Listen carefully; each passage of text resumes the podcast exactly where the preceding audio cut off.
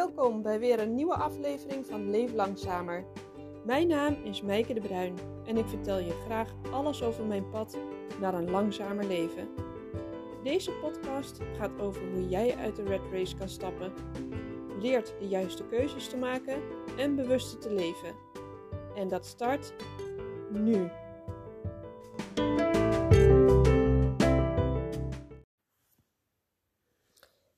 Hey hallo, wat fijn dat je weer luistert naar mijn podcast. Ehm, ik wil je meenemen in mijn, ehm, in mijn verhaal van mijn therapie. Want uh, zoals ik al eerder in een aflevering heb verteld, ehm, heb ik dus besloten om in therapie te gaan. En ik vind het woord vind ik zo heftig, zo zwaar. Ik weet niet of jij dat ook hebt, maar ik, ik, eh, ik wil het helemaal niet als iets zwaars en als iets heftigs zien, maar meer als een stukje onderhoud. Net als dat je je auto uh, onderhoudt, je huis onderhoudt. Zo ben ik van mening, nu vooral, dat je jezelf ook moet onderhouden. Uh, zowel lichamelijk als geestelijk. En het geestelijke vlak, dat vinden we vaak gelijk zwaar. En misschien is dat wel omdat. Um, ja, er toch nog een beetje een taboe op, uh, op rust, op, op, op geestelijke zaken. Of, dat we, omdat, of omdat het niet echt concreet is. We kunnen, het is niet tastbaar, net als een gebroken been. Maar ja, dat gebroken been wil je gewoon voor zijn. En dat gebroken geestelijke ding wil je ook voor zijn. Je wil een burn-out voor zijn, overspannen, een depressie. Um, of dat je gewoon niet lekker in je vel zit. Dat je niet doet wat je graag wil doen. Uh, dat wil je toch voor zijn? Dus vandaar dat ik dacht, nou, misschien moet ik dan ook maar eens in therapie. Want mijn voornemen is dat na, uh, na het zware jaar van 2021, overal waar ik weerstand op voel, en dan overal tussen, tussen aanhalingstekens, hè, ik ga nog steeds niet bungee jumpen, maar overal waar ik weerstand op voel, nou, dat wil ik dan eigenlijk wel eens uittesten of dat ook daadwerkelijk zo is, of die weerstand gegrond is of niet. Even een klein uh, zijstraatje, zo had ik altijd, ik ben nogal een koukleum en ik was altijd tegen uh, skivakantie. Ik wilde niet op skivakantie, want dat is veel te koud. Maar ja, om dat te, blijven zeggen, dan uh, is het niet gegrond, want je hebt het nooit gedaan. Dus zo gezegd, zo gedaan. Ik heb het gedaan en ik vond het niet te koud, maar het was gewoon niet mijn ding. Um, ik vond het niet uh, heel erg leuk om met uh, heel veel anderen die berg af te gaan. Maar ik heb wel een dagje gelangloofd en dat vond ik wel heel leuk.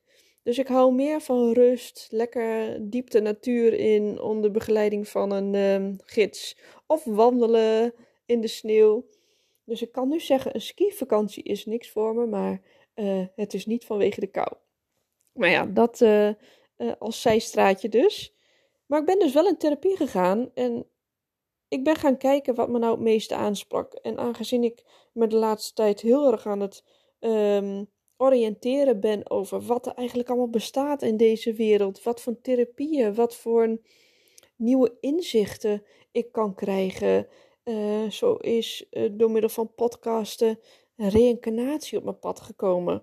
Ja, ik vind dat zo mega interessant omdat het ook weer zo ver van onze bedshow is. Dat is niet iets waar je dagelijks bij stilstaat. Uh, we wimpelen het gelijk maar weg van dat kan niet, dat bestaat niet.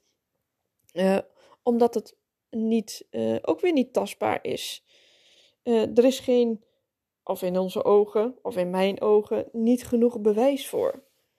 Maar toch ben ik er steeds meer en meer van overtuigd dat er meer is dan waar wij ons dagelijks druk om maken, dat, we, dat er veel meer um, in ons zit qua mogelijkheden, qua potentieel, maar ook aan trauma's van onze voorouders. En of dat nou reïncarnatie heet is of niet, dat maakt eigenlijk niet uit. Ik ben er wel van overtuigd dat alles wat wij meemaken in ons leven, onze voorouders hebben meegemaakt in ons leven, dat dat niet iedere keer allemaal blanco pagina's zijn, maar eigenlijk al wel redelijk beschreven pagina's zijn en dat, dat, dat wij dat ook meenemen. En dat hoeft niet altijd te resulteren in angsten, ziektes, uh, belemmeringen of trauma's, maar ik denk wel dat het een rol speelt in wie we zijn en waarom we doen wat we doen. Dus ik wilde dat ook wel eens weten, dus zo kwam ik eigenlijk ook op reïncarnatie en regressie hypnotherapie uit. Dat ik dacht, nou, ik wil het wel eens weten, ik wil het wel eens ervaren hoe dat dan daadwerkelijk in de praktijk is. En ik weet van mezelf ook wel dat ik dingen heb uit mijn verleden die ik niet zozeer heb weggestopt, maar waar ik gewoon geen uh, aandacht voor heb. En um, waar ik ook niet 1, 2, 3 last van heb als ik eraan denk. Voor mijn gevoel heb ik die wel verwerkt, hebben die een plekje, zijn die netjes, netjes opgeruimd. Zo kan ik het de beste verwoorden, denk ik. Dus als ik ze weer tevoorschijn tover, dan is het niet gelijk chaos en drama en huilen. huilen. Nee, ik weet dat het er is en dat is prima. Maar ik dacht, misschien komt het wel naar boven. En hoe komt het dan naar boven? Geen idee. Zo gezegd, zo gedaan. Ik heb een afspraak gemaakt met een, re, uh, een hypno, regressie en reïncarnatietherapeuten. In mijn geval was het een vrouw. En ik heb een afspraak met haar gemaakt, gewoon via de mail. En toen ik daar aankwam, kwam ik gewoon bij een woonhuis aan. En het voelt natuurlijk allemaal wat onwennig, want ik had geen idee hoe dat in werkelijkheid zou gaan. Dus het was maar afwachten en het maar over me heen laten komen en meegaan met die golf. Uh, en ik kwam daar binnen en ik moest mijn schoenen uitdoen, jas ophangen. En ik ging met haar naar boven, naar een hele warme kamer. Maar gewoon een eensgezinshuis, tussenwoning. Met uh, drie slaapkamers boven, een badkamer en nog een zolder. Super doorsnee. En daar is dan gewoon zo'n slaapkamer omgetoverd tot een therapiekamer. Met schapenwolle kleedjes, een zitje, een matras op de grond, boeken, stenen, mineralen. Redelijk uh, neutraal, neutraal terrein. Lekker theetje erbij. Ja, voelde best aangenaam. Maar ik was wel een beetje de hele tijd op mijn hoede. Uh, van wat gaat er nu gebeuren? Wat, wat zal de volgende stap zijn? Ik ben nogal van het plannen en van controle blijkbaar. Maar ik wilde me er ook wel uh, in onderdompelen. Dus um, zij vertelde van nou, vertel maar eens eventjes met... Um, vertel maar eens even wie je bent en wat je hier komt doen en wat je levensverhaal is. En ik heb daar, uiteindelijk heb ik daar twee uur gezeten. Die vlogen voorbij. En in twee uur tijd heb ik mijn hele levensverhaal ik was toen nog 42, dus heb ik 42 jaar in twee uur heb ik verteld. Nou, dat is een uitdaging, kan ik je vertellen. Twee uur, dat lijkt ongelooflijk lang, maar om nou 42 jaar te vertellen in twee uur, nou, ik vond het eigenlijk wel heel knap van mezelf. En terwijl ik dat vertelde, um, maakte het ook voor mij heel veel helder. Het is zo fijn om eens een keertje alles, je hele leven even door te gaan, door te spitten en te vertellen aan iemand die je helemaal niet kent. Want je moet diegene dan ook meenemen. Ja, het moet chronologisch zijn, het moet allemaal goed in elkaar overlopen, want iemand anders moet snappen wat jij, ja, wat, wat alle stappen waren. Het moet in elkaar passen. En daardoor komt gelijk naar boven waar dan ook de hete hangijzers zitten. Dus het is heel verhelderend eigenlijk die twee uur vertellen wat jouw leven is geweest, wat er allemaal in heeft afgespeeld. Ja, dat is heel, heel concreet, heel duidelijk. Het is als een boek die je openslaat en die je, die je, die je leest. En zij stelt dan natuurlijk ook de, ook de juiste vragen op de juiste momenten. En de conclusie was ehm, na die twee uur dat mijn leven best wel complex is. Dat, dat het woord complex, dat komt in heel veel dingen terug. Ik, blijkbaar hou ik ook van uiterste, van highs en lows. En daar zit niet zo heel veel tussen. En ja, dat, dat begrijp ik nu ook wel steeds beter. Ik hou heel erg van pionieren, van nieuw. Maar zodra het nieuwe eraf is, ja, vind ik het niet zo interessant meer. Dan wil ik eigenlijk wel weer door naar een volgende high. Letterlijk een high, denk ik ook. Een, soort van verslaving. En daardoor worden dingen ook soms complex, omdat je weer door wil naar het volgende, terwijl het oude nog niet afgerond is. Dus ik vond het heel prettig om dat eens even door te nemen. Ja, is dat dan therapie, kan je zeggen, die twee uur? Nee, ik denk, nee en ja. Ja, voor mij wel, omdat het zo inzichtelijk allemaal werd, mijn leven. En omdat ik dat woord complex ja, heel interessant vind van, ja, is dat nou erg of is dat niet erg? Ik denk dat het helemaal niet erg is, maar het is een soort van rode lijn in mijn leven, rode draad. En dat maakt het voor mij wel makkelijk om dingen te begrijpen. Dus die twee uur is voor mij therapie geweest. Maar er kwam ook nog een tweede sessie. Dus um, die tweede sessie gingen we echt de therapie in de diepte in. En daar begon de therapie echt. Maar voor mij was die eerste sessie dus echt al het begin. Die tweede sessie was dat ik echt op dat matras moest gaan liggen. En daar was ik ook al heel erg huiverig voor. Want ik denk, ik hou daar eigenlijk helemaal niet van. Dus dan kwam die weerstand weer naar boven. Dan moet ik daar gaan liggen. En wat gaat er dan gebeuren? Nou, ik heb uh, de ogen uit mijn hoofd uh, uh, gejankt, kan ik wel zeggen. Ik heb zoveel gehuild in die twee uur dat ik daar toen lag. En ze liet me ook gewoon huilen. Dat was ik ook iedere keer bewust van. Ze laat me maar huilen. Ik krijg helemaal geen zakdoekje om even mijn neus te snuiten. Want ik kon op een gegeven moment helemaal niet meer normaal ademen. Alleen nog maar door mijn mond. En uh, dat kussen was ook letterlijk helemaal nat van mijn tranen. Maar het was wel een opluchting om eens eventjes zo te huilen. En dat was natuurlijk ook de bedoeling ervan. Maar uh, in, uh, in die tweede sessie gingen we echt naar mijn onderbewuste. Het was mijn onderbewuste, maar ik was nog steeds bewust wat we deden. Dus een gekke gewaarwording kan ik je vertellen.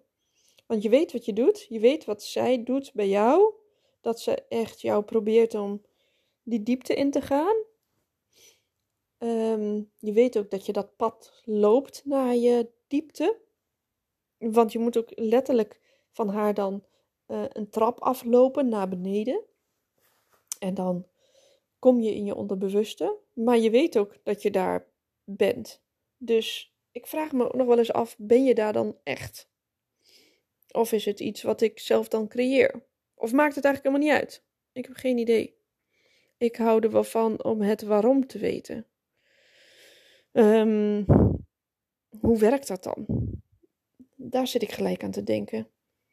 En iemand anders zou het misschien helemaal niet uitmaken, maar dat is iets wat in mijn hoofd dan speelt. Dat ik denk, uh, was ik echt mijn onderbewust of niet? Of maakt het helemaal niet uit? Maar um, ik moest dus die trap aflopen. En het eerste wat in me opkwam, kwam, moest ik vertellen wie ik daar zag. Nou, ik zag dus een klein meisje. En dat, klein meisje, dat kleine meisje, dat was ik. En dat kleine meisje, dat speelde heerlijk alleen op de kamertje. Want dat deed ik heel veel vroeger. Ik speelde heel graag alleen. En ik was, ik was heel graag alleen. Ik kon ook heel goed alleen spelen. En ik was urenlang op mijn kamer. En dat is helemaal niet zielig en dat is helemaal niet erg. Dat, dat deed ik gewoon graag. Uh, ik had heel veel vriendinnen. Ik, ik speelde ook heel veel met vriendinnen. Maar als ik alleen was en als ik thuis was, dan was ik graag op mijn kamer. En ik kon me heel goed vermaken. Daar had ik eigenlijk nooit moeite mee. Ik herken dat ook bij onze jongste dochter. Die heeft precies hetzelfde. Die kan heel goed alleen spelen. En die vindt het gewoon ook best wel vaak, om, ook wel lekker om een paar keer per week alleen te spelen. Terwijl onze middelste dochter eigenlijk zichzelf helemaal niet kan vermaken en het liefst alleen maar met vriendinnen is en, en wil afspreken en vroeger altijd al wilde spelen, spelen, spelen en ja, geen prikkel is te veel voor haar. Terwijl dat bij mij en onze oudste en onze jongste dochter, ja, wij, wij zijn juist wel wat prikkelgevoeliger en willen je er juist soms wel even uit, uit die prikkels stappen en het prikkelarm hebben. Maar um, die tweede therapiesessie was dus ook heel mooi. En ook weer heel verhelderend, want dat complexe kwam er ook weer in terug bij dat kleine meisje. En ehm, ja, het ging toch wel meer de diepte in dan, uh, dan die eerste sessie. En zonder al te veel uit te wijden in uh, wat er dan precies aan bod kwam in die tweede therapiesessie. Want dat doet er denk ik ook niet zo heel veel toe. Ik denk dat het fijn is om te weten dat zo'n regressie en zo'n reïncarnatietherapie um, niet per se spannend hoeft te zijn, niet eng hoeft te zijn, maar uh, verhelderend. Vooral verhelderend. En dat het je kan helpen in dingen duidelijk te maken. Waarom je reageert zoals je reageert. Want we zijn geconditioneerd, of je het nou wil of niet. We zijn gewoon door al onze ervaringen, en dat kan je ook niet tegengaan bij je eigen kinderen. We zijn gewoon geconditioneerd en geprogrammeerd door ervaringen, door dingen uit ons verleden, misschien wel onze ouders, dingen die zij hebben meegemaakt of onze voorouders. En het is fijn om daar eens over te vertellen en om daar meer over te weten te komen. Um, ik ben niks te weten gekomen over reïncarnatie. Daarvoor zou ik misschien nog verder moeten gaan met de therapie. Maar ik heb besloten om niet verder te gaan. Want toen ik thuis kwam, toen voelde ik: het is goed zo. Ik heb twee sessies gehad. En het is goed zo. Ik heb duidelijkheid. En ik ben geïnteresseerd in andere mogelijkheden om met mezelf aan de slag te gaan, om onderhoud te plegen. En dat is waarschijnlijk ook weer het aloude pionieren en, en door gevoel in mij. Want ja, ik heb dan wel weer been there, done that. Dat heb ik gezien en door. Um, dat, een ander zou het misschien heel irritant vinden. En zelf uh, denk ik bij mezelf: ga ik dan niet weer te snel door? Probeer ik het wel goed genoeg? Uh, wil ik niet te veel, te snel, tegelijk en weer door en nieuw? Ja, dat is dan waarschijnlijk wel weer dat, uh, dat ego-dingetje in mij, die daar weer van alles van gaat vinden. Um, dus daarmee dacht ik, nou wil ik ook mee in de slag. Ik wil meer daarover te weten komen. Ik heb al Eckhart Tolle gelezen. Ik heb heel veel over de vijfde dimensie gelezen. Over uh, mijn ego gelezen. Wat, wat je ego nou precies is. Maar blijkbaar is het, zit het nog niet helemaal goed genoeg in mij. Dus ik ben het boek uh, Logica van Geluk gaan lezen. Van Mo Godat. Ik weet niet precies hoe ik het moet uitspreken. Maar um, hij is de CEO van Google. En hij is gaan um, een boek gaan schrijven over de logica van geluk. Waar zit het er nou in? En daarin komt ook het ego heel erg aan bod. En het ego is dat stemmetje in je hoofd wat de hele dag aan het roepen en aan het schreeuwen en van alles vindt over jou en van anderen. Um, dat is het ego. En ik vind het ego versus het hart echt mega interessant. Want ik denk dat het hart, dat dat spreekt in de diepte in jou tijdens zo'n therapiesessie.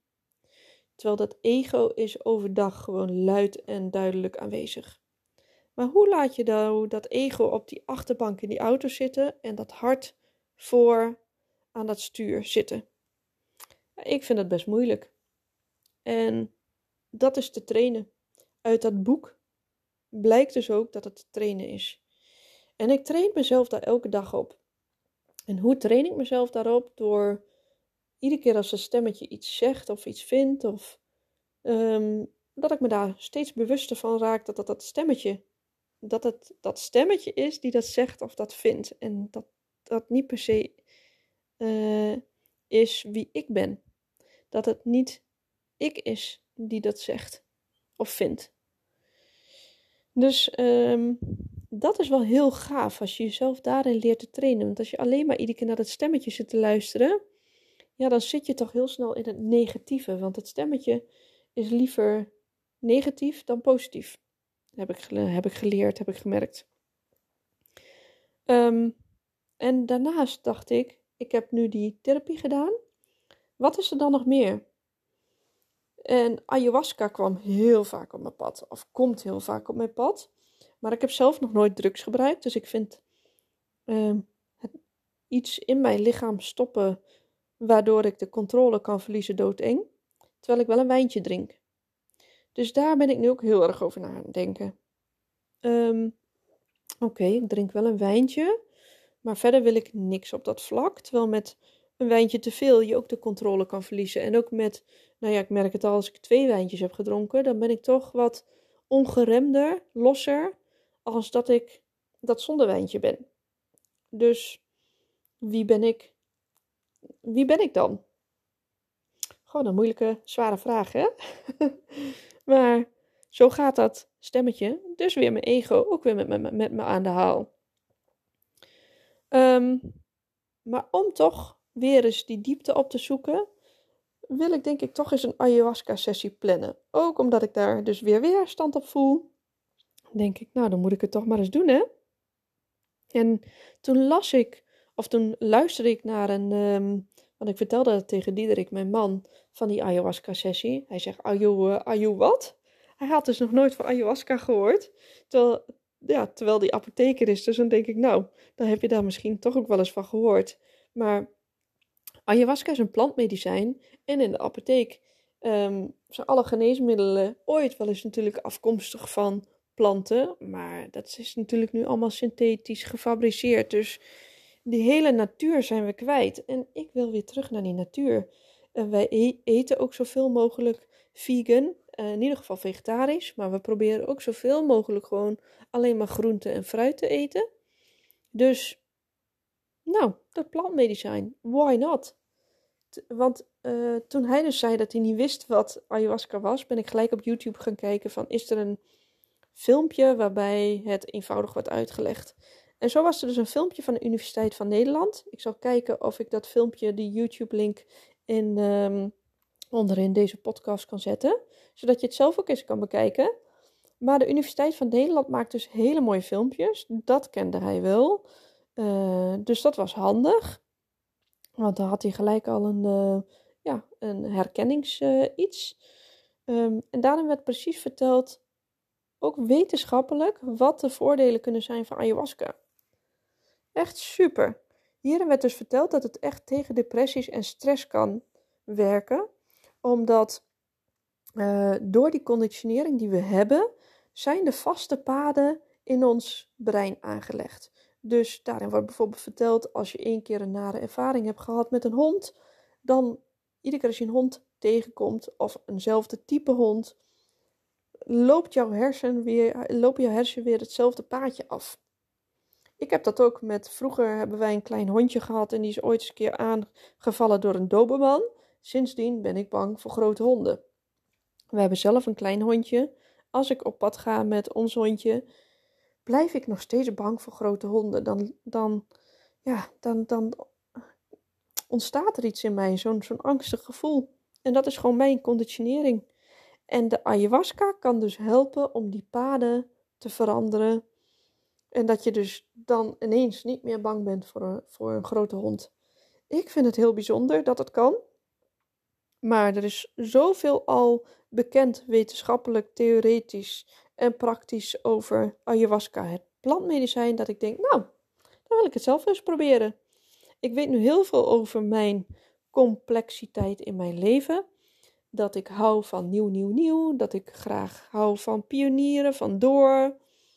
Um, maar dat, ik wil dus ook wel meer weten over mijn handleiding. Dus um, dat ga ik doen. Ik heb me net um, aangemeld bij een organisatie redelijk dicht bij mij in de buurt, om een klein uurtje rijden. Ik ga eens even kijken of ze ruimte voor me hebben.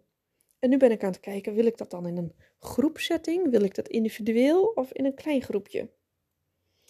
Een grote groep, ja, dan daar ben ik niet zo gelijk. Dat vind ik gelijk wel weer spannend. En ook wel, um, even heel lullig gezegd, dan moet ik alle verhalen van alle mensen aanhoren. en daar heb ik niet zoveel geduld voor. Geduld is niet mijn sterkste kant. Ik ben daar voor mezelf. En ik wil wel uh, zoiets meemaken met gelijk, gelijkgestemden. Want helemaal alleen alle aandacht voor mezelf vind ik ook wel weer doodeng. Hoeft ook weer niet per se. Dus dan ga ik voor een klein groepje. En ik zag net al dat ze op korte termijn geen ruimte hebben voor dit met een klein groepje doen. Een klein groepje is drie mensen. Dus ik ga of verder kijken of ik hoop dat er toch nog ruimte ontstaat. En dat laat ik maar gewoon gebeuren. Dus ik hoop binnenkort een ayahuasca-sessie te doen. Ik moet zeggen dat ik het best wel duur vind, want het is zo rond de 300 euro. Maar ja, de persoonlijke ontwikkeling, dat kost nou eenmaal wat. En dat heeft zijn prijskaartje. En daar heb ik ook wel geld voor over. Dat is gewoon mijn, mijn eigen trainingsbudget, om het zo maar te zeggen. En ik denk als ik dit doe, dan kan ik ook veel beter andere mensen weer helpen. Ik, ik wil gewoon zelf al dit soort wegen bewandelen om andere mensen goed te helpen. En ik merk hoe meer ik erover praat, over wat ik allemaal leer. Als ik bijvoorbeeld hierover, hierover met Diederik praat of met vriendinnen, daar leer ik ook weer heel veel van. Want dan leer ik alles wat ik zelf heb geleerd goed onder woorden te brengen. Dus constant ben ik uh, bezig met mijn hele journey, om het zo maar te zeggen. Um, en wat we ook nog ehm, gaan doen, dat is we gaan een break nemen. Misschien heb je daar al wat over gehoord of gelezen. Ehm, maar wij gaan op reis. Wij gaan lekker lang op reis. Wij gaan met de kinderen, dan gaan we drie tot vier maanden gaan we op reis naar ehm, Frankrijk, Spanje, Portugal. En we gaan proberen om de zee aan onze rechterkant te houden. We gaan met onze camper op pad. We gaan een break nemen. We gunnen onszelf eventjes, ja, om eruit te stappen. En waaruit? Ehm, uit het systeem. Want we merken hoe bewuster we aan het leven zijn, hoe meer we afstand nemen van hoe alles heurt, ehm, hoe meer we ook moeite hebben met hoe het is. Um, ja, bijvoorbeeld het schoolsysteem. Dat dingen, dat, ja, dat kinderen gewoon heel veel moeten leren die ze niet interessant vinden. Uh, waarvan ik zelf, waarvan we allemaal weten, die ga je niet gebruiken als je daar niks mee wil doen of gaat doen in de toekomst. Wij vinden het lastig dat dingen zijn zoals ze zijn. En dat is dan heel cryptisch misschien omschreven, maar als je zelf ook al bezig bent met bewuster te leven en bewust keuzes te maken en echt naar je hart te luisteren, dan snap je wat ik bedoel. Mocht je niet helemaal snappen wat ik bedoel, laat het me vooral weten. Dan, dan weet ik dat ik hier nog wat dieper in moet gaan en dit wat beter moet gaan uitleggen. En ook dat kan mij waarschijnlijk ook beter gaan helpen om het onder woorden te brengen. Want het is best moeilijk om onder woorden te brengen waarom je even uit het systeem wil stappen. Maar het, uh, ja, het geeft ons frustratie, negatieve energie. En dat is juist wat we niet willen. We willen juist positieve energie. En we willen ons hart gaan volgen. Maar wat is dan precies ons hart volgen? En ons hart volgen is onder andere om die reis te maken. Want het is heel. Um, het is een moeilijke stap. Uh, omdat je er heel veel voor moet uitzoeken. Eh, hoe ga je, wat ga je met je huis doen? Wat ga je met school doen? En daarvoor ben ik een online, online cursus gaan volgen over reizen, op reis met kinderen ehm, die nog onder de leerplicht vallen. En daarin wordt me eigenlijk alles kant-en-klaar aangeboden. Wat ik eigenlijk allemaal moet doen, waar ik rekening mee moet houden. Dus dat is heel erg fijn. Maar ondertussen moet je toch best veel beslissingen maken als, als ouders en als stel dus um, het is een goede, uh, goede, goede generale repetitie om daadwerkelijk ook bewust keuzes te maken. Dus we gaan op reis en die reis ga ik ook via mijn Instagram Leef Langzamer ook delen. We hebben een gave camper gekocht. We hebben onze oude camper ingeleverd voor een hele gave nieuwe camper. Nou ja, uh, semi-nieuw. Hij is ook tweedehands. Maar hij is echt fantastisch. En ik ben zo benieuwd hoe ons dit gaat ja, wat ons, ons gaat brengen, wat we, wat we gaan leren. En uh, we zullen ook vast moeilijke dagen hebben, want ik vind het best moeilijk om lang van huis weg te zijn. Ik heb snel heimwee. Ik ben heel graag thuis. Ik ben graag alleen. En dan ben je constant met z'n vijven. Ehm, ik vind het heel erg spannend en zo gaaf tegelijk. Maar ik voel de wind onder mijn vleugels.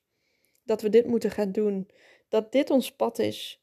En alles wat ik nu leer met deze therapie, van dat ik hou van nieuw, van pionieren, van dat, dat complex het woord is in mijn leven, dat komt hier ook allemaal weer in terug in deze reis. En ik weet zeker dat het ons als gezin nog dichter bij elkaar gaat brengen, ook de moeilijke dingen, en dat het goed is voor ons allemaal om eens, om eens van een afstandje naar ons eigen leven te kijken en doen we wat we willen dat we doen. Willen we dat de kinderen leren wat ze moeten leren op school? Willen de kinderen zelf dit pad bewandelen? Ik denk dat het voor hen ook goed is, uh, ook al uh, is hun leven echt best wel, ja, als je puber bent, gebeurt er natuurlijk van alles in je, in je lijf. Uh, je hebt al een vriendenclub. je bent zo gewend aan hoe het dagelijks gaat. Hoe is het om er even afstand van te nemen? Want voordat je het weet, leven zij ook dat gejaagde bestaan. Sterker nog, dat doen ze al. Want ze moeten al zoveel. Ze zitten helemaal al in die red race. Uh, voor hen is het ook moeilijk om eruit te stappen. Maar we gaan het wel doen. We gaan de uitdaging met onszelf aan. En uh, blijf ons vooral volgen. Ik ga jullie echt verder hierin meenemen. Volg hem ook op Instagram. Op uh, Leef Langzamer. Dan zie je ook onze gave camper. Dan lees je ook in mijn, kan je ook de links van mijn blogs vinden, waarin ik meer vertel over ons leven en ons pad naar een langzame leven. Want ook wij leven nog niet langzaam. Het lijkt wel vrijwel onmogelijk binnen dit systeem. Maar wellicht vinden we de sleutel. Ik denk dat we al uh, de sleutel in het slot hebben. En dat we het slot hebben gevonden. Hey, dat is ook een mooie. En nu gaan we kijken of we de sleutel kunnen omdraaien. En misschien hoeft dat niet eens. Nou, ehm, ik heb genoeg cryptisch uh, geluld. Ik heb genoeg ook concreet verteld, denk ik. Uh, op naar de volgende podcast of blog. En op naar deze verdere mooie dag. Ik wens je ook een hele mooie dag. En wellicht tot horens, tot ziens, tot lees, lezens. Fijne dag. Doei doeg.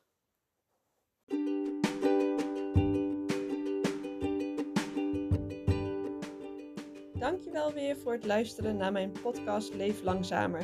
Wil je nog veel meer weten over een langzamer leven? Check dan even mijn website op www.leeflangzamer.nl. Ook kan je me volgen op Instagram en ik heb ook nog een online programma voor je geschreven. Dus ga ermee aan de slag, leer, lees en doe er je voordeel mee. Fijne dag!